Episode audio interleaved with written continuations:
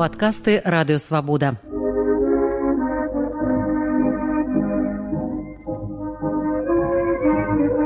Сто гісторый пра БНР з Сергеем Шупам.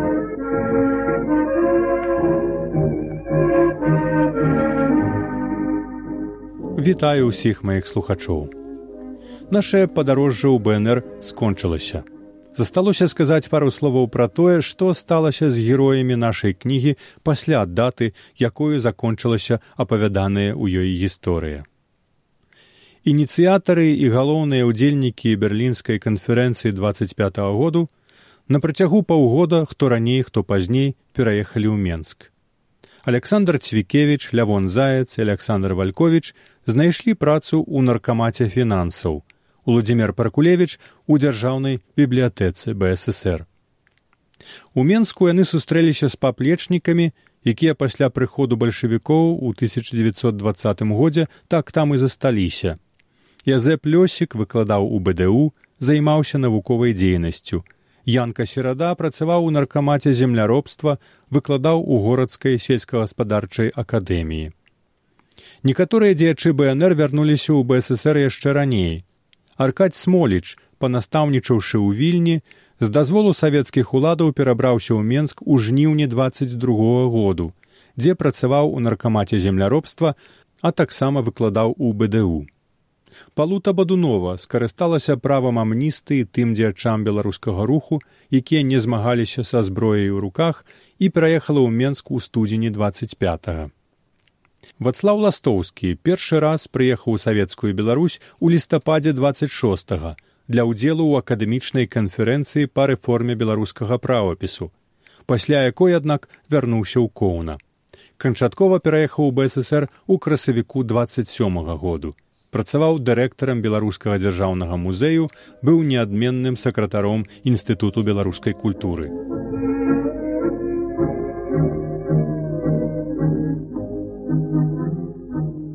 савецкая лібералізацыя ў эканоміцы нэп і культуры беларусізацыя скончылася ў 1929 годзе.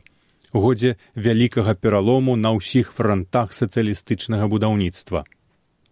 У траўні чэрвені таго году ў беларусі працавала камісія пад кіраўніцтвам старшыні цэнтральнай кантрольнай камісіі кампартыі ўкраіны владимира затонскага якая абследавала практыку правядзення ў бсср нацыянальнай палітыкі.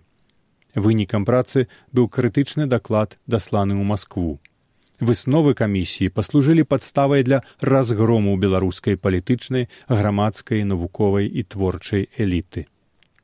Усе згаданыя тут беларускія дзеячы, апрача хіба што бадуновай, у ліпені 1930 году былі арыштаваныя ў рамках сфабрыкаваныя ГПУ справы саюза вызвалення беларусі асуджаныя і сасланыя на пяць гадоў у розныя месцы глыбіннай рассеі у тридцать пятым тридцать восьмым годах усе яны гэтым разам і бадунова былі паўторна арыштаваныя і ў бальшыні сваёй расстраляныя неўзабаве пасля прысуду. Некаторыя памерлі ў гулагу ад хваробаў.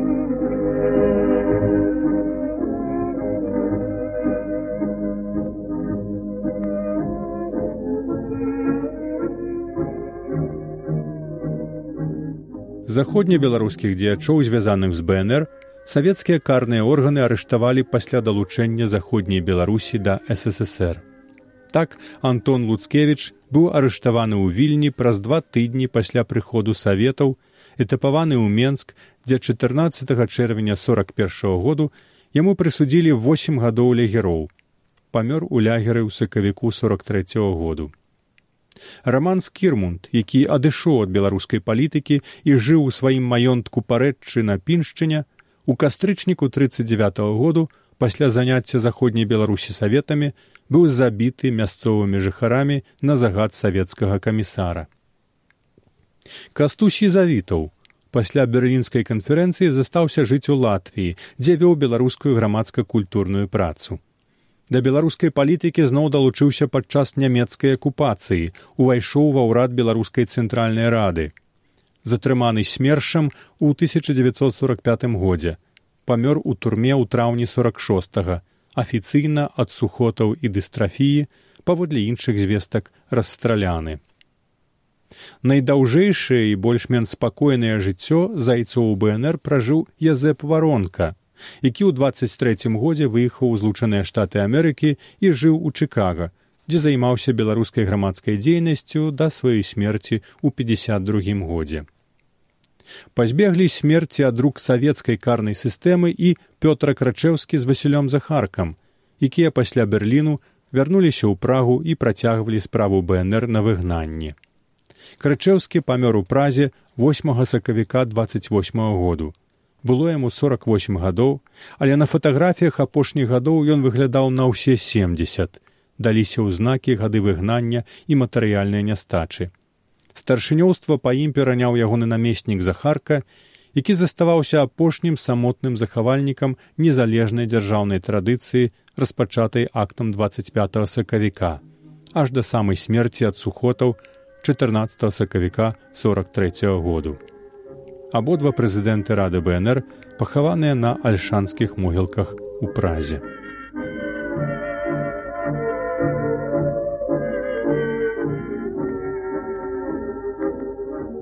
Вы слухали падкаст радыёвабода.